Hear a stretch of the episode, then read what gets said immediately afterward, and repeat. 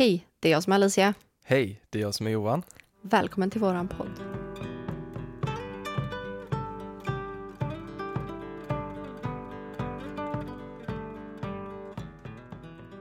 Du Johan, Ja. jag har tänkt på det här med goda väsen Mm. eh, som alla tror är goda.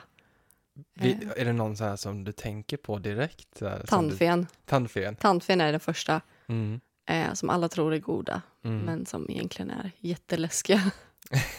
Mm, Ja, det är det vi ska behandla idag, lite olika, eh, som man tänker goda väsen. precis. Ja. Mm. Det, det som jag tänker på, det är ju de här söta små älvorna. Ja, ska vi börja med dem? det kan vi göra. Men eh, vi ska ju också nämna det att när ni lyssnar på detta så är det Alicias födelsedag. Ja, den 19 Grattis! februari. Du Tack fyller ju mycket. 24 år ung. Ja, Mm. precis. 24 år ung. Så stort grattis älskling. Tack så mycket. Ska vi börja med älvorna? Ja, det tycker jag. Mm. Ehm, men de här finns ju i väldigt många olika eh, färger och former och skepnader i eh, både i den nordiska folktron och i hela världen egentligen. Mm. Ehm, men vanligast idag är väl att vi föreställer oss de här typiska små fina älvorna med blomblad till kjolar. Mm. Lite tingelingaktigt, så här vitskimrande väsen med vingar på ryggen. Mm. Ehm, ja, och de är väl osynliga för oss. Eller i alla fall delvis man kanske kan se dem över ängen eller sådana saker. De dyker bara upp, alltså ibland vid vissa tidpunkter. Precis. Men det här är lite roligt. Mm. Eh, för längre bak i tiden så beskrivs ju älvorna som ett mer, alltså, som mer elaksinnade. Mm. Eh, ett elakt småfolk. Mm. Eh, som, de är väldigt lika människor men det fanns ju liksom en tro på att de kunde förvandla sig till olika djur och insekter. Och jag vet även att det var blommor och Mm. eh, sådana saker. Mm. Jag tänkte direkt på Spiderwick. Ja, Eh, där är ju älvorna blommor. just det. Eh, ja, det det, är- är Spiderwick 2 va? Ja, Nej. Är är ettan. För övrigt en väldigt mysig film. Mm, Och den behandlar verkligen. ju väldigt många så här småväsen, eller hur? mm, Så den, den kan man titta på. den kan man är titta på. Den är supermysig. Mm. Då har ni något så här, söndagstitta Ja. på kvällen innan ni ska sova. Mm. Eh, men även ordet älvor är ju ganska likt eh, asatrons alver. Mm. Eh, men det finns liksom inte jättemånga likheter mellan alverna och älvorna. Nej. Nej, jag tänker kopplingen där, det är att man kan tänka sig att älvor kommer från alver, men det är inte samma sak. nej, Nej, det är det inte. just det. Men eh, jag tänker de här älvorna, de, eh, de beskrivs ju ofta som väldigt små, va? Ja, Alltså inte jättestora. nej. Eh, Hur tänker du dig att en älva är i storlek? nej, men jag tänker mig typ tingeling. Ja, alltså Eh. jättepytteliten som en hand typ, eller? Ja, fast nästan mindre än en hand. Aha. Spännande, för jag tänker mig en älva typ som en, eh, en tomte. Nej, men du vet. Jaha, Ja, ja men lite mer, eh, ja men säg eh, som men en, en från magen upp till bröstet ungefär. ja. Så tänker jag med en elva. Nej, men jag tänker mig ju en elva som är, liksom, om man tänker de här skimrande ljusen som man kan se, som en eldfluga typ. Mm, Och då tänker jag mig väldigt liten, som en Mm. insekt mm, eh, eller som ett litet djur. mm. Mm. Men du, de här älvorna, de är ju inte helt eh, ofarliga. Nej, det är de inte. Man bör ju passa sig för dem. Mm. Det bör man verkligen göra. Älvorna de beskrivs ju oftast som eh, goda, men man måste ju vara lite försiktig med dem. Mm. Störst chans att få syn på en älva är ju vid gryning eller vid skymning, för det är ju då man säger att de samlas för att dansa. Mm. Ehm, och det är ju då man kan se så här, eh, om det är dimmigt till exempel så ser man ju små, eh, ja, som ljus som rör sig. Ja, att det glittrar typ. Mm. Mm. Och det där kan man ju verkligen känna, typ, när, säg att man kör bil Mm. och så ser man en äng, det är sol på ängen men det är dimma, då, känner, då får man ju en sån älvkänsla liksom. Ja. Jag vet inte om ni kan relatera, men Alltså that's en, just my opinion. en instinkt säger ju att man ska gå och se efter. Ja, Men ja, gör ja, ja. inte men det ska man det. inte göra. Eh, för att när man väl hör deras sång och deras musik Mm. och ser dem dansa Eh, det, det sägs typ låta som fågelkvitter eller som väldigt, väldigt, väldigt vacker musik. Mm. Eh, och det här är ju så vackert att man blir förtrollad Mm. om man kommer för nära. Vad kan hända då, tänker jag? Eh, man tappar ju tidsuppfattningen. Mm. Eh, och det sägs ju så här att man får dansa i tusentals år. Eh, ja, men fram tills liksom, man kommer ha, leva med älvornas musik ringande i öronen eh, fram tills man dör. Och jag har ju hört historier om till exempel män som har gått in i skogen och blivit tagna av älvorna och sen har de typ blivit, eh, så de har gift sig med någon, eh, om det är någon älv, eh, eller någonting. Eh, att de sen kommer tillbaka eh, och är jättekonstiga. Mm. Eh, Är det typ som en vuxen bortbyting? Eller vad, ja, vad typ lite så, fast Ja. de kan inte, alltså de måste kämpa för att kunna ta sig tillbaka. Mhm. De kan typ inte göra det. Och det sägs ju typ också att älvor kommer från en annan dimension. Mm. Och det är ju alla de här väsen kommer ju från en annan dimension. Mm. Och då tänker jag att går man över i den dimensionen så är det jättesvårt att komma tillbaka på samma sätt som att det är jättesvårt att komma dit. Mm. Det är ju därför så få hamnar där. Ja. Förstår du vad jag Och menar? jag tänker det förklarar nog varför de är mestadels osynliga för ögat. Ja. För att det är från en annan dimension. Typ. Precis. Sen har vi ett annat fysiskt fenomen eh, som kan uppstå. Eh, vi har ju någonting som kallas för svampringar.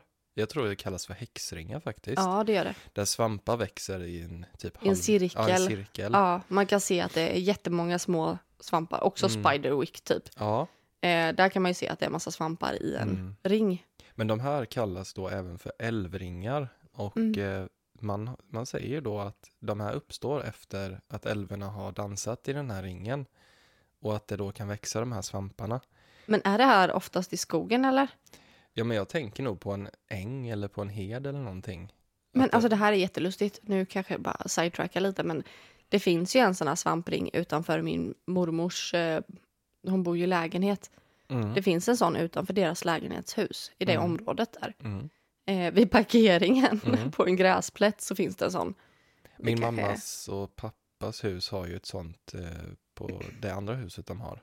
Den Ja, kommer det. varje år på samma ställe. Mm. Men man ska i alla fall också passa sig för de här cirklarna, sägs Man det. ska inte gå in i dem. Nej, man ska inte gå in i dem. Eh, ett konstigt exempel som jag läste det var att man ska inte kissa i dem. För då kan man få så här eh, att du börjar kissa blod och bli jättesjuk. Eh, Men gud vad, vad sjukt. Ja, och du ska inte lägga dig och sova i en Men vem älvring. lägger sig och sover i en svampring på Mm. marken? Ja, men det är lite samma sak där som med dansen. Då kan du liksom Mm. bli förtrollad och inte vakna upp. Jag tänker ju spontant att den här cirkeln är en portal. Mm. Ja, men jag tänker om det är där de kommer och det är där de lämnar så är det nog mycket energi där. Ja, Ehm, interesting. ja, som sagt man ska vara väldigt försiktig. Eh, även om älvorna ser väldigt fina och oskyldiga och lockande ut så man kan faktiskt riskera sjukdom och otur om man eh, ger sig in i deras Likar. lekar. Mm. Om det är så mot förmodan att man skulle få någon sjukdom eller bli drabbad av något magiskt från älvorna. Mm. Eh, enligt gammal sed då eh, så kan man antingen offra fett eller pengar i så kallade älvkvarnar. Och det visste jag inte vad det var, jag var tvungen att kolla upp det. Mm. Det är liksom som små håligheter i hällristningar från eh, ja, men vikingatiden, forntiden. Ja, så man måste leta upp en hällristning för att bli fri då. Precis, där finns det Men som... är det personen som har blivit förtrollad som måste göra det? Mm. Jag tänker om man har blivit tagen av älvorna, då är det inte så lätt att göra det. Det här rör nog den som misstänker att de har fått en sjukdom på sig Aha. från älvorna. Ja, inte de som har blivit Nej, borttagna eller nej, snodda. precis. Utan du, då måste du ge typ ett eh, guldmynt eller en, en peng i de här Aha. håligheterna.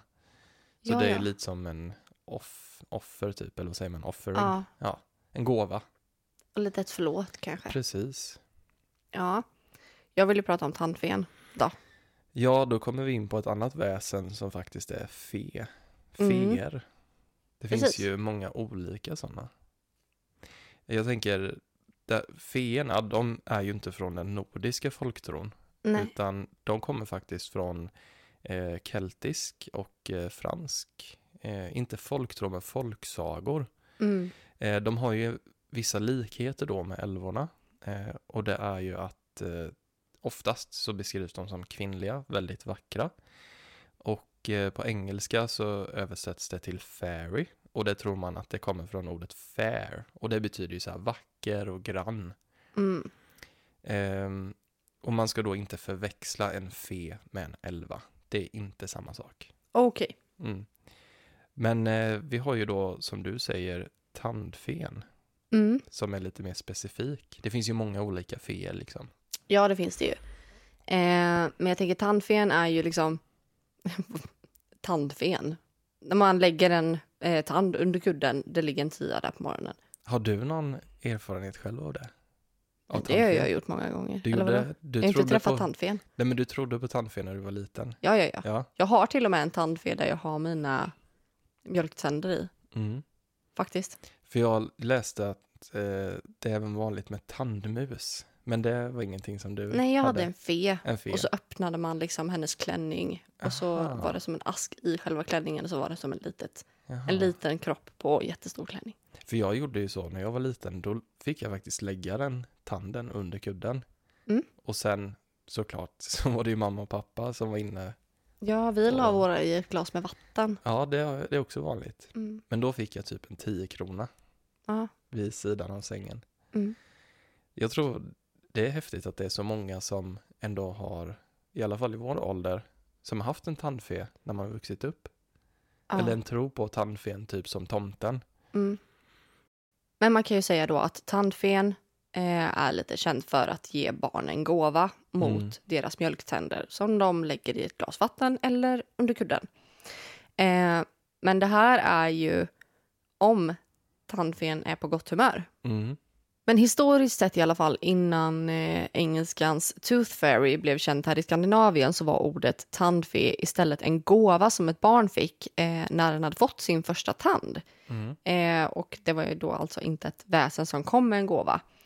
Eh, det här går att eh, spåra väldigt långt tillbaka.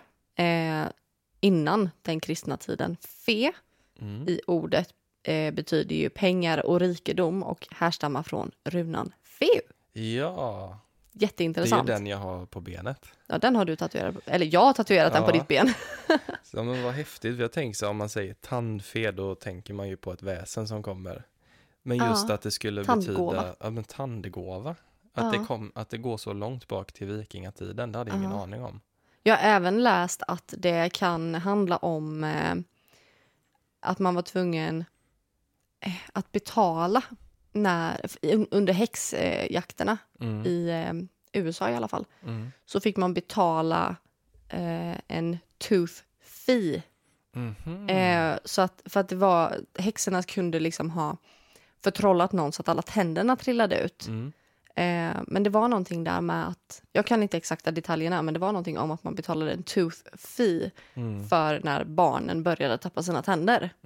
Eh, så att man hade liksom, jag har, eh, man betalade pengar för att ni ska veta att jag har de här, de här tänderna. Mm. Det är inga, inga tänder som jag samlar på mig från att jag har förhäxat någon, utan det här är mina barns tänder. Aha, Eh, och då var man tvungen att betala en tandavgift för de här tänderna som man hade. häftigt. Det Ja, har blivit som en valuta det här med tänder. Ja, verkligen. Men jag tänker på det här med, är tandfen verkligen god? Mm. Eh, jag hittade faktiskt en fransk saga från 1700-talet. Den heter Den goda lilla musen. Mhm. Och där tänkte jag, det måste ju vara därifrån den här tandmusen kommer också. Ja, Eh, Då har vi en koppling där. precis. Men där får vi i alla fall en aning om vart den här idén kommer ifrån, där man ska lägga tänderna under kudden och så att en fe kommer då. Eh, det var så här att det var en fe som ville hjälpa en drottning att hämnas eh, på en, riv, vad säger man, rivalerande, rivalerande kung. En kung Ja, som var en rival, till henne. Den här kungen då hade dödat hennes man som var kung i ett Mhm. annat rike. Och sen hade hon eh, blivit tillfångatagen och satt i fångenskap hos den här elaka kungen. Hon kom i kontakt med en fe då som ville hjälpa henne. Hon kom i kontakt då med en fe som ville hjälpa henne. Och eh, efter åratal av fångenskap så fick hon till slut hjälp. Det som händer är att den här fen förvandlar sig till en liten mus och när den här kungen sover så får han alla sina tänder utslagna och placerade under kudden innan fen till slut dödar honom. Hur kan... Äh. Jag bara blev så här, hur kan en mus ha ut alla tänderna på en människa? Mm. Är man magisk så. Ja, är man magisk så funkar Jag tänkte allt. så här att hon gjorde sig till mus typ för att komma in i hans kammare eller något. Ja, Jag vet inte riktigt.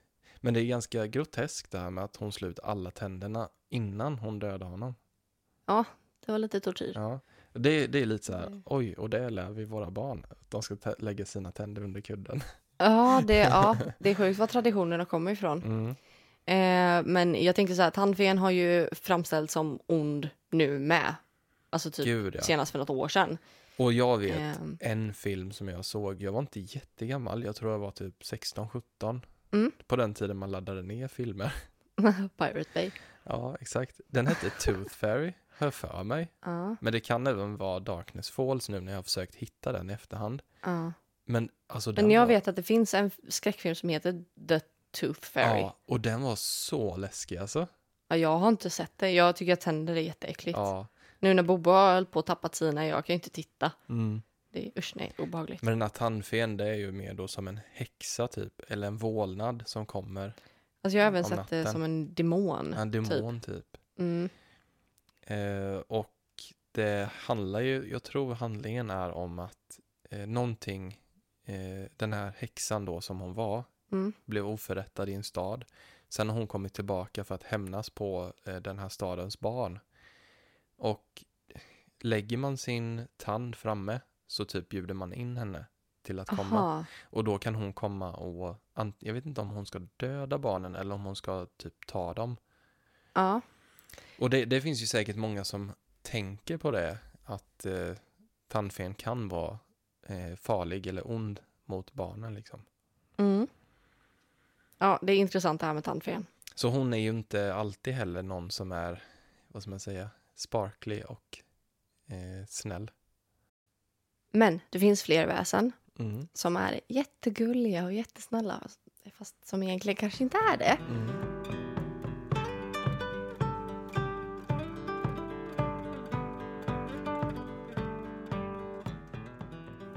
Sen har vi ju sjöjungfrun. Precis. Mm. Och den är ju, man tror ju på sjöjungfrur över hela världen. Mm. Och man kan faktiskt se spår av det så långt tillbaka som till bronsåldern. Eh, en målning i, vet jag, i Irak, nuvarande Irak då. Jaha, Där har man då framställt en hälften kvinna, hälften eh, fisk. Ja, fisk med fiskstjärt Ja, och sådär. precis. Men jag Eh. tänker också så här i, ehm, i Sverige. Här Mm. har vi ju havsfrun och vi har sjörået. Mm. Eh, och de här råen, det finns ju fler. Där har vi ju bergsrået, vi har skogsrået och sjörået. Vad jag vet i alla fall. Ja, jag känner inte till några fler. Mm. Det är då de som rår om ett visst område i Ja, naturen. precis. Ja, Men sjöjungfrun, där, det är ju så intressant för den dök ju upp på i hela världen ungefär samtidigt. Mm. Eh, vilket är ganska häftigt. Alltså om man tänker historiskt sett så dök det upp eh, på exakt samma, eh, vid exakt samma tidpunkt på Ja. många ställen i världen. Eh, så att det där tycker jag är så intressant. Varför, varför var det så? Och det är samma med byggnader, tänker jag. Mm. Att, eh, ja men typ vissa pyramider, en byggnadskonst, Ja. att man kan återfinna det på många olika platser. Från ungefär samma tid. Ja, jag vet ju han, forntida astronauten, han pratar ju väldigt mycket om det. Ja, Så det är spännande, lite sidetrack så. ja det är så intressant. Verkligen. Men eh, om man ska ta en logisk förklaring då till varför det uppkom ungefär samtidigt Mm. så är det att man vet ju, man kan ju inte spåra exakt eh, tid eh, Ja. som det uppkom. Man tror att en förklaring är att människan alltid har varit fascinerad av att en människa skulle kunna leva som ett havsdjur eller som leva i Ja. vattnet. Mm. Och att det är där den föreställningen kommer av halva människa, halva fisk liksom. ja, det är klart. Mm. Ja, men alltså det sägs ju typ så här. Många upptäcktsresande, typ Columbus, säger ju att han har sett sjöjungfrur. Ehm, och det här var ju också en sån grej som dök upp på samma ställe. Mm. På väldigt, ja, ungefär samma tid. Eh, och här tror man ju typ att sjömännen har varit fulla och sett sjöjungfrur eller att de har eh, alltså då sett kanske typ en val eller en säl eller någonting Mm. och trott att det är en vacker kvinna. Mm. Eh, hur man nu kan eh, misstolka en säl Mm. för en vacker kvinna, det vet jag inte, men ja.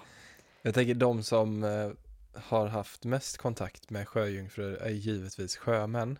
ja. Och de har ju en delad bild av eh, sjöjungfrur, om de är goda eller onda. Precis. Ehm, och jag tänker en vanlig föreställning det är ju att eh, det är en vacker kvinna som försöker locka till sig männen Ja, och sen dränka dem i vattnet. Ja så typ som Pirates of Caribbean Mm. typ. Eller då, Där är de jätteläskiga. ja, eller då att ser man sjöjungfrur så är det ett eh, ont omen eller ett ont Mm. tecken. Jag vet att folk trodde att det var bra, Mm. för då var man nära land. Mm. Men eh, då var det ju typ att man gick på grund istället. Ja, På så det. sätt att man var nära land. Mm. Men sen finns det även i vissa kulturer där man tror att eh, sjöjungfrur är ett gott tecken. Att de varnar en för till exempel att det ska bli storm Mm. eller att man inte ska vara på ett visst vatten och sådär. Ja, Så det är en lite blandad bild och det tycker jag att Pirates of the Caribbean, att de, visar väldigt väl ja, ja. för där får man ju se både och. Ja, För visst är det så att där blir det ju faktiskt några som blir neddragna. neddragna. Ja, Men och de sen- får ju så här värsta vampyrtänderna och Ja. nej, de är ju jätteobehagliga. Usch. Men sen är det en som blir förälskad där i en sjöjungfru. Ja, Och hon visar ju sig vara väldigt god. Ja. Mm. precis. Eh, men sen tänker jag så här, vi har ju sett det här med Lilla Sjöjungfrun. Mm. Det, det kommer ju från Disney, det är den bilden vi har idag. Mm. Så är det ju bara. Ja, men hör jag ordet sjöjungfru så direkt så tänker jag ju på Ariel. Då sätter man ju Lilla framför. Ja, Ja, så är det ju. men den historien är ju inte heller så vacker. När den kommer från H.C. Andersen va? Ja, det gör Ja. den. Och där är det ju, det finns ju i Danmark, statyn, Lilla Mm. Sjöjungfrun till exempel, Mm. han var ju dansk. Eh, men där är det ju, varje steg hon tar på land ska kännas som att hon går på krossat glas. Eh, så att hon har ju fruktansvärt ont. Mm. Eh, och sen är det ju, jag vet det fanns något barnprogram eh, när jag var liten. Mm. Och då var det typ så här, H.C. Andersens sagor, Mm. eh, så som de var från början. Mm. Och då var det ju faktiskt att hon kunde ju inte gå för det första. Hon var tvungen att lära sig gå för att det gjorde så fruktansvärt ont. Mm. Sen eh, i slutet så tar hon faktiskt sitt liv så den är inte så vacker den där sagan. De Disney, är... för, Disney är proffs på att försköna. Ja, definitivt. Det är de. Men de H.C. Andersen är ju väldigt brutala i många fall. Det är de. Mm. Men om vi ska ta då svensk folktro, eh, det som mest liknar sjöjungfrun, det är ju som du sa, där sjörået. Mm. Eh, det är ju ett fornnordiskt väsen då som är kopplat till till exempel en kärn eller en sjö, eller är det ett väldigt ett kraftfullt sjörå så kan hon till och med rå över en jättestor insjö liksom. Ja. Ehm, men hon är ju, hon framställs som väldigt vacker. Mm. Som ofta sitter och kammar sitt hår och att män blir väldigt betagna av henne. Men där tänker jag att det är samma som skogsrået som vakar Mm. över skogen. Där är det också så här en förförisk kvinna. Men eh, att hon har ju en ihålig rygg. Man ser ju Mm. igenom henne bakifrån men Mm. inte framifrån då. Mm. Och så även då att hon är täckt av fjäll, delvis, Mm, kan man ju se. precis. Men sjörået är ju inte lika ondsint som Näcken i alla fall. För han lurar ju folk till att drunkna. Precis, man Mm. skulle ju kunna säga att Näcken är den manliga motsvarigheten av sjörået, men Ja. inte när det kommer till godhet. Nej. Eh, sjörået kunde ju välja att hämnas på någon. Eh, jag tänker döda någon i värsta fall. Ja, men om någon som har gjort fel liksom. Mm. Men visa... Jag vet att man ska, eh, skogsrået ska man i alla fall, eh, innan man jagar i skogen, så ska Mm. man eh, be skogsrået om lov. Precis. Jag tänker lite och gör man så, inte det så kan hon bli arg. lite så är det väl i vattnet med att Man ska fiska. ja, visa respekt. Ja. Men vi har ju Näcken då, även kallat forskaren eller bäckahästen. Ja, Och eh, ordet näck, det, det, man tror att det kommer från det germanska ordet som betyder bada eller tvätta faktiskt. så det betyder inte att man är naken. Nej, faktiskt inte. Men det här är ju jätteintressant för att när man säger man ska näcka. Mm. När man ska bada naken då säger man typ jag ska näcka. Mm. Eh, men då betyder ju det att jag ska bada eller tvätta mig. Ja, Ja, nej men vi förknippar ju ordet näck med att vara naken. Ja. det gör vi ju. Men Men det det, kommer betyder ju bada eller tvätta. Det kommer nog av att man klädde av sig naken när man skulle bada och tvätta sig. Ja, Ja, ja nu vet ni det. det vet vi det. Vi lär oss alla något nytt i den här podden. Ja. Nej men eh, just näcken då, i, om man tittar på Sverige så är Mm. han ju mest utbredd i, ut, i så är han mest utbredd i Skåne eller västra Sverige. Ja. Och där går han ju under många olika namn. Eh, Ja. Bäckapågen, Ja, Bäckamannen Ja. eller då Bäckahästen är ju främst, Ja. främst i Skåne. precis. Mm, Bäckahästen är ju typ den läskigaste. Tycker jag. Ja, om vi tar Näcken då. Eh, han är en man som ofta framställs som att han sitter och spelar på en fiol. Och det gör han för att locka till sig kvinnor. Ja. Och han eh, har ju en ganska ond tanke med det här. Det är att han ska få dem att hamna i någon sorts trans. Och att de ska då gå ner i vattnet och dränka sig själva. Men här är det ju både kvinnor och barn vad jag förstår. Mm, Att Näcken är ute efter kvinnor och barn. mm. Ja men så kan det vara. Man hör ju väldigt sällan om en man som blir lurad av Näcken. Ja, nej, det är sant. Mm. Men eh, jag tänker att eh, det här med att han kunde ge sjukdomar som du har berättat för mig. Mm. Vad handlade det om? Om man blev biten av näcken. Jag tänker om man kom för nära så Ja. kunde han ge en ett bett och det kallades för näckabett. Eh, Okej. och det sägs att eh, om man fick ett sånt där bett så läkte det aldrig helt. Utan att Ja. Men varför, kunde, varför byts han för? Han vill väl eh, orsaka skada tänker jag. Nej, men. Fast någon- jag, kan, jag kan ändå uh, förstå Näcken. För att hade Mm. jag suttit där och badat Mm, då hade jag inte velat att någon kom och glodde på mig. Då hade jag också bitits tror jag. Lite försvarsmekanism. Ja, precis. Ja. Nej men det är väl att man inte ska gå nära honom egentligen. Ja. Man ska hålla sig undan. Mm. Men till skillnad från Sjörået då, så är han faktiskt inte en vacker, fager man. Nej, Utan han beskrivs som en ful gammal gubbe egentligen. Usch. Med vitt eller grönt hår och skägg. Eh, Oftast att han har en röd luva på sig. Som en tomte. Ja, som tomte. Och även då att han inte är helt naken eller näck. Utan att han kan ha på sig lite så här gråa kläder. Jaha. Där ser man. Mm. Men sen kunde det då vara att han hade ju magiska krafter Ja. som gjorde att han ändå kunde förvandla sig. Eh, Så för att lättare locka till sig då någon kvinna så kunde han förvandla sig till en ja, man i byn som hon var kär i eller någonting. Aha. Mm. Så Okej. han, eh, och inte bara förvandla sig till andra människor utan även då till olika djur trodde man. Som bäckahästen då. Ja, hästen var ju den vanligaste Mm. och då trodde man att det var en vit eller svart häst han kunde förvandla sig till. Mm. Den vet ju du lite om. Vill du berätta lite om? Ja, den här hästen är väl främst för att lura till sig barn.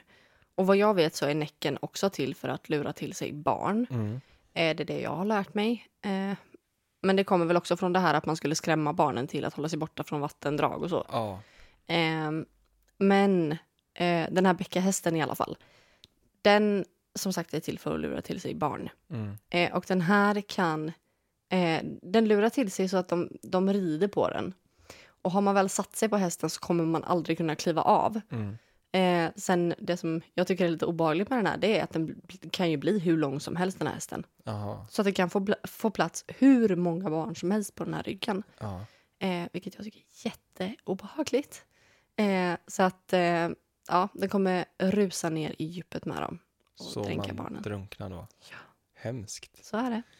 Mm. Det fanns ju lite sätt att skydda sig mot näcken. Ja. Och eh, det kallades faktiskt att man band honom. Eh, Ja. Det kunde man göra på olika sätt. Ett vanligt sätt det var att man spottade framför sig.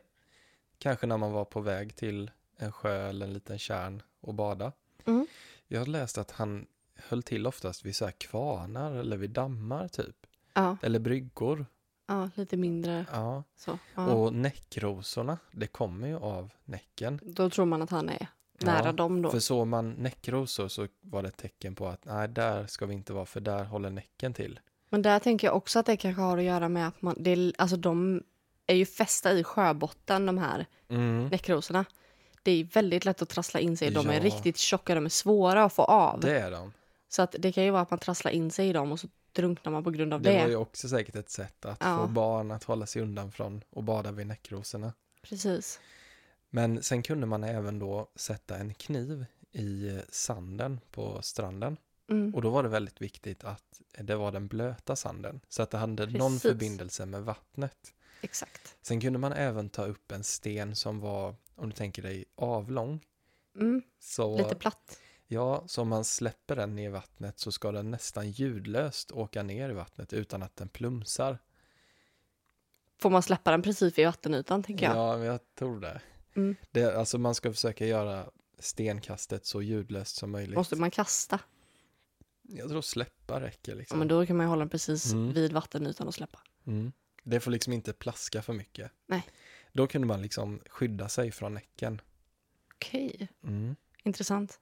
Men han är ju ett av de mest, vad ska man säga, Ondskefulla. ja, men de som har en illvilja mot människor. Ja. som inte vill så gott. Däremot så kunde det vara så att eh, män som ville typ lära sig spela bra fiol och eh, dragspel, alltså en Ja. spelman i byn, kunde sägas gå till Näcken för att lära sig bli riktigt bra på sitt instrument. Mhm.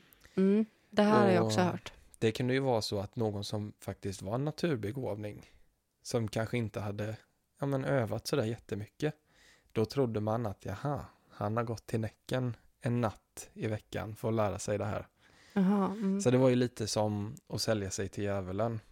Ja, och jag, vad jag har hört så måste man eh, ge dem en, ge honom blod eh, om man sticker sig i fingret eller så. Någon typ av eh, offer. Offer. Mm. Och då binder man det väsen, väsnet, väsendet, Väsendet. väsendet till Mm. sig. Mm. Väsnet. Väsendet. Har ingen aning. ja.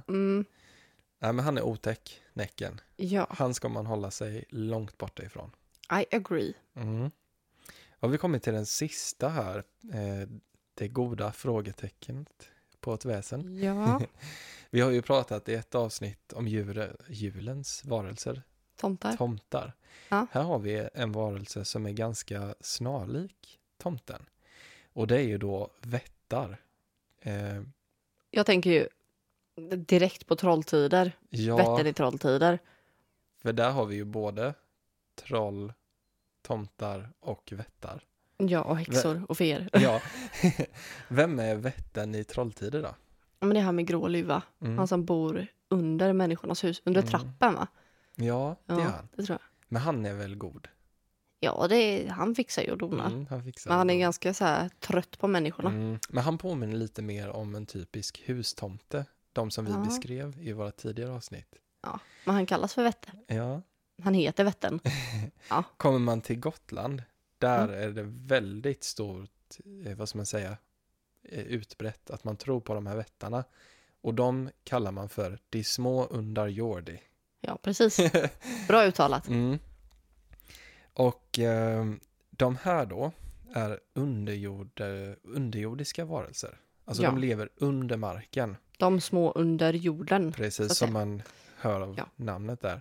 Det, ordet vätte, det kommer från det fornnordiska vätter, som betyder väsen faktiskt i sig. Mm. Så det är Mm. liksom ett väsen.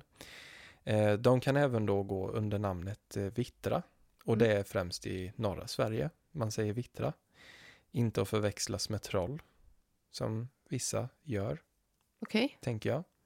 Mm. Det är liksom då de här underjordiska varelserna. De kan även kallas för jordbyggare, backapysslingar och småknytt. Backapysslingar, det har jag aldrig hört innan. Mm. Ja. Men de beskrivs ju oftast som gråklädda och eh, att de faktiskt är i många fall osynliga. Men det här är jätteintressant för i trolltider så är han ju gråklädd. Mm, Och han vrider ju på sin luva för att Ja. bli osynlig. exakt. Så att det har väl också en sån här, Ja, Ja. att de kan göra sig synliga om de vill. Precis. Ehm, ja, och det jag tänker, för man ansåg oftast vättarna att de var lite så här tjuvaktiga. Jag tänker det kan Mhm. nog vara en förklaring till varför man ansåg det. Det var att de kunde göra sig osynliga, då såg man inte om de tog någonting och sådär från en. Jaha. Ehm, Det sägs också att de kan ändra sin storlek från att vara väldigt små människor till att bli lika stora som vanligt folk. Jaha, Mm. Och en, intressant. en annan tro det är att eh, vättar då, men då kanske de inte går under namnet vättar. Det är ett folk under jorden som är lika stora som människor. Eh, att ja, men de är alltid så stora. Så det är många som trodde på att det fanns människor som bodde under jorden, fast som var lika stora som Du och jag. du och jag. Aha. Men de här klumpar man ihop lite i samma, alltså att det också är vättar typ. Mm. Eh, en väldigt vanlig sed, särskilt på Gotland då, det är att man alltid måste ropa och varna dem innan man häller ut någonting på marken, till exempel skållhett vatten. Ja. För man vill inte då att det är någon stackars vätter där under som inte hinner flytta på sig. Som får eh, kokande vatten Mm. i huvudet. Och jag läste det här, man ska inte till exempel kissa innan, om man säger att man går ut på husknuten och ska kissa Aha, lite. då måste man också Då måste man, varna. ja för annars så kan det ställas till saker liksom. Då kan de bli riktigt arga. Men hur varnar man då? då? Då ropar man, eh, se upp där nere. Faktiskt. Ska man göra det? Och det är väldigt många som gör det, än idag. Jaha. Och sen är det det här med, du har säkert hört det här talesättet, att man ska inte kasta ut eh, barnet med barnvattnet. Har du hört det? Barnen med badvattnet. Mm, Ja, precis. Inte barnvattnet. Badvattnet, Ja. precis. Ja. Eh, det kommer lite av det här också. Aha. För då, eh, det kan vara så att om barnet inte är döpt och man har badat eh, barnet så blir det här vattnet orent på något sätt. Aha. Och då vill inte vättarna veta av det. Aha, så om man har badat ett odöpt barn Mm. Så ska man inte slänga ut vattnet? Nej, då måste man typ rena det med kol på något sätt innan man häller ut det på marken. Men är vättarna kristna då? Eh, jag tolkar det som det. Men det Vad är, konstigt. jag har även läst om att vättarna som ett troll till exempel ogillar det kristna. Så det är lite svårt att tolka det här med Det är ju jättesvårt ju. mm. Krångel, krångel, krångel. Men Ja. det kunde bli så illa om man gjorde det här då med badvattnet. Så kunde vättarna bli så arga att de faktiskt eh, rövade bort barnet. Jaha, men då tänker jag ju typ att istället för att det är att de blir arga så är det kanske att de lockas till att här är ett odöpt barn som Ja. vi kan ta. Exakt. Så borde det ju vara då, Mm. kan man ju tänka sig. Och det var ju det, bortbytingar, det har vi pratat om. Det har vi pratat om. Man kunde råka ut för det om barnet inte hade blivit döpt. Då måste det ju vara så. Så måste det vara. Så att, att döpa barnet var lite som ett beskydd mot vättarna.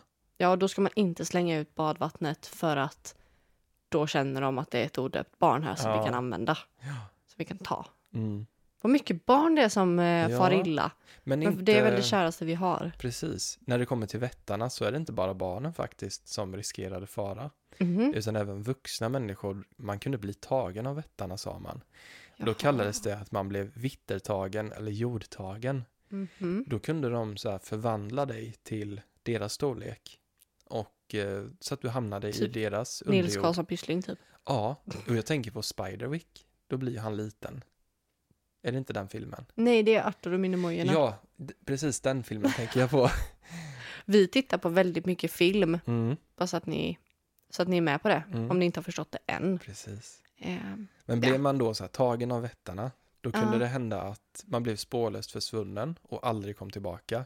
Eller så kunde man vara borta väldigt länge och aha. tiden ändrade sig så man visste inte riktigt vad som hade hänt med de här människorna. Mm. Men eh, det finns ju då historier om eh, vättarna behövde inte alltid ha en ond avsikt med att ta med sig en människa ner till sig. Okej. För jag läste om att en bonde en gång i tiden hade byggt eh, sin laggård och så över en vättes familj eller så. Mhm. Och då stod ju kossorna och hästarna och kissade på marken. Och då, då blev vätten jättearg och liksom tog med sig den här bonden ner till sitt hem. Mm. Och sa titta här hur vi har det. Så här kan vi inte ha det. Vi får massa kiss som rinner ner liksom. Okej. Och bonden då, han blir ju så här, ja då får jag ju flytta på oss för ni var ju här först. Jaha. Ja, och sen var det en väldigt vanlig berättelse. Det är om eh, en vätterfamilj där kvinnan skulle föda barn. Och hon behövde hjälp att, eh, vid förlossningen då. Ja. Så då kom mannen då, vätten, och var helt förtvivlad. Men då var han ju som dig och mig i storlek. Ja. Men han var klädd på ett speciellt sätt. Och sa till kvinnan, i, människokvinnan då, du måste hjälpa mig, min kvinna håller på och föder. Mhm. Så han tog med henne ner då och så fick hon hjälpa honom att förlösa barnet. Ja. Vad fint. Ja, så de... Men det finns något form av samarbete mellan alla det. varelser och alla människor. Eh, och det tycker jag är, det är fint. Mm. Jag tänker så här, en väldigt fin slutkläm på det här avsnittet. För vi vill ju så här kolla, är de verkligen goda eller är de onda?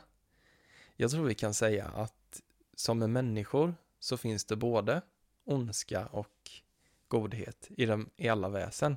Ja, Att det är en spegling av människan, kan man Mm, väl säga. ja det kan det ju vara. Mm. Det är väl Näcken då som, Som är genomrutten. ja. ja, Ja. som är undantaget. han är genom ond. Mm. Men det handlar ju väldigt mycket om det här med att ha respekt bara. Mm. Att ha ett samarbete och inte liksom roffa åt sig eller Precis. kliva på någon. Mm. Så att respekt och sen så finns det skitstövlar. Ja, Ja. Ett utbyte eller skitstövel. ja. Det är bara att välja. och där tänker jag, eftersom det oftast är magiska väsen, Mm. vi har ju pratat lite om magi och häxkonst och så. Ja. Och där är ju nyckeln att man ska alltid handla i respekt. Alltid. För annars så Men kan så det jag slå tänker tillbaka. det är så enkelt som att vi tittar på varandra. Mm. Och hur vill vi bli behandlade? Med respekt såklart. Mm. Och hade du gjort så som du gör mot eh, skogsrået. Mm. Hade du gjort så. Du hade ju inte frågat. Eh, eller du hade ju inte inte frågat en bonde om du fick jaga i hans skog. Mm. Eller så. Utan det, det hade du ju gjort. Mm. Då kanske du ska fråga rået också. Mm. Faktiskt. Precis. Det är hennes skog. Ja. Ja. Sen även om man inte väljer att tro på de här väsena, man tänker att det var bara ett skrock från förr i tiden. Mm. Där kan man ändå se att oftast så fanns ju de här väsena av En anledning. en anledning att man typ ville, som Näcken där med näckrosorna. ja, man ville ja, skrämma någon, men av en god anledning att få Skydda. dem att ja, skydda. Ja, och jag tänker det att eh, om man inte tror på det så kan man fortfarande ta med sig någonting från varje varelse. Mm. Att vara försiktig här och vara försiktig där. Mm. Ehm, Någonting som jag tänkt på det är att förr i tiden, man valde att skrämma folk hela tiden Ja, till att göra vet. rätt. Jag Speciellt barn. Jag tänker så här, istället för näckrosorna, att man säger att då blir du tagen av näcken. Varför kunde man inte bara säga näckrosorna är farliga för du kan trassla in dig i dem? Trodde man att barnen skulle vilja göra det av trots då eller? Ja, det är mycket lättare att skrämma dem med en Mm. varelse. För jag minns när jag var liten så hade vi en eldgaffel hemma. Ja. Och jag vet att mamma sa till mig, för hon blev ju uppvuxen med mormor och morfar, de var ju den gamla skolan att de skulle skrämma väldigt mycket. Men då sa hon till mig att ja, den där eldgaffeln, den där, den kan liksom komma till liv och hoppa upp i, i ditt ansikte. Aha. Så den får du inte liksom ta i. Och det trodde jag ju på. Mm. Så det funkade ju på det viset att när jag såg eldgaffeln så var jag ju livrädd för den. Men det är också så här uh, orimligt att vara livrädd för en eldgaffel. Ja, eller hur? Alltså du förstår vad jag menar? För jag såg ju bara, som ett litet barn ser man ju hur den här gaffeln kommer till liv och hoppar upp och spe, peta ut dina ögon. Ja, jo nej jag förstår. Ja, Men eh, samtidigt så kan man ju... Alltså jag förstår att det kanske är det lättaste sättet. mm, Men samtidigt så kanske man behöver förklara för barnet att den här är farlig. mm, Den kan inte hoppa upp och peta dig i ögat men du kan ramla på den och peta Mm. dig i ögat. Och du får inte Precis. leka med den för då kan du peta dig i ögat. mm, Eller så är man eh, så ansvarstagande man kan som vuxen och ställer den någon annanstans ja, där barnet inte kommer åt den. det är ju det bästa. Det är ju det absolut enklaste Mm. egentligen. För då behöver du inte skrämma ditt barn och du behöver inte oroa dig. Mm. Har du någon sån där från när du var liten när de försökte skrämma dig? Jag tror faktiskt inte att jag har det. Mm. Eh, alltså det, vi pratade ju sagor och sånt men det var nog aldrig så att mina föräldrar försökte skrämma mig med någonting. Nej, inte jag kommer så. ihåg i alla fall. Inte något magiskt i alla fall. Nej, bara gubben med flakmoppen. ja, den, Den var jag livrädd för. Den använde de när du var stygg va? Ja, när jag, ja, när jag inte gjorde som de ville då hotade de med att eh, gubben med flakmoppen skulle komma och hämta mig. De skulle ringa han. Ja, Och sen var det Nanny McPhee också. Nanny McPhee. Men eh, gubben med flak, det är lite backstory på den här. Mm. Vi var ju på semester i Smögen Mm. och då kom det ju en gubbe med flakmoppe. Mm. Jag var livrädd för den där. Jag fattade inte vad det var. Mm. Så att, eh, sen har de använt det på mig eh, hela min uppväxt. Att eh, pappa låtsades ringa i telefonen till gubben med flakmoppen. Så att eh, då sprang lilla Alicia och gjorde det hon skulle. Ja, det var ju Mm. lite taskigt, men det Det, funkade ju. lite, det funkade jättebra. De behövde ju inte skrämma mig med näcken i alla fall. Nej. Nej, Nej men eh, jag tänker att vi ska runda av lite. Mm. Men eh, jag vill också säga det att vi har ju 20% på tarotkursen nu. Mm.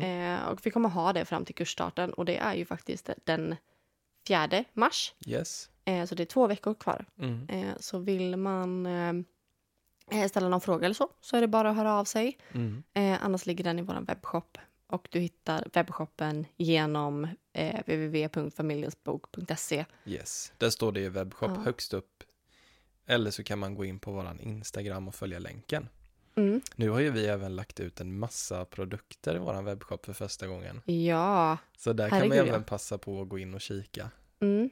Vi och sen så ju- ska vi väl säga det också, det här med tarotkursen. Mm. För det har vi också släppt bilder på Instagram på den tarotleken som man får i startpaketet. Mm. Eh, och startpaketet är väl ungefär värt tusen spänn. Ja, Eh, så det är ju gratis, ingår i kursen. det är ju en tarotlek med nyckelord på som är Precis. jättebra när man läser tarot. Superbra, nybörjarvänlig. Och den här bread and butter-leken, ja, AI Wait, ja, precis. med de bilderna. Det Och är, det ligger även ut eh, ute recensioner på vår Instagram från de som har gått kursen nu. Om Mm. man eh, vill veta vad de tyckte. mm. Eh, vilket ty- de tyckte att det var jättebra. Ja, Eh, så det är vi jätteglada för. och vi är Eh, så taggade på att få börja. Ja, Vi verkligen. har ju verkligen... Men vi vill ha mer elever. Ja, Vi vill att ni fyller på de här platserna nu. det vill vi. Det är jättekul. Vi, eh, för eh, vi kommer ju köra en det här året. Och sen Ja. kommer inte vi köra fler förrän nästa år. Precis. Det är ju ändå åtta månader lång kurs. Den är lång kursen nu. Men det är också för att man ska ha den tiden Mm. eh, på sig som man behöver. Man ska kunna ha ett heltidsjobb och familj Ja, och ändå kunna gå kursen. vi körde ju första omgången, det var väl på sex månader. Mm. Men nu har ju vi lagt till två kursdelar som är ganska omfattande. Ja, Både personlig och medial utveckling. ja. Så det var Och viktigt. sen får man ju lära sig eh, korten på eh, korsen och tvären och ja, fram och baksida och upp och ner. Exakt. Mm. Ja, men vi är så taggade på att få komma igång med den. Ja, det, alltså det ska bli jätte, jättekul. Mm. Men funderar du på att boka så tveka inte på att höra av dig om det är någonting du funderar över. För vi, vi vill jättegärna att det är några fler som är med. Mm. Eh, för att det är ett gäng som har bokat nu. Det är Mm. skitkul. Det är det. Ja, Men vi tar väl och rundar av. vi rundar av. Tack så jättemycket för att ni lyssnade på det här avsnittet. Ja, tack så jättemycket. Och om ni eh, har lyssnat hit hela vägen så får ni gå in och kommentera skitstövel under eh, Instagram-bilden för det här inlägget. Bra där. Och på Instagram så heter vi att familjens bok. Men det har ni ju, Nej, Det- ett familjens bok AB. att familjens bok AB, förlåt. Så det har ni ju koll på vid det här laget. Mm. Bättre koll än vad jag har förmodligen. Eh, och så hörs vi nästa vecka. Det gör vi. Puss och kram. Hej då! Hej då!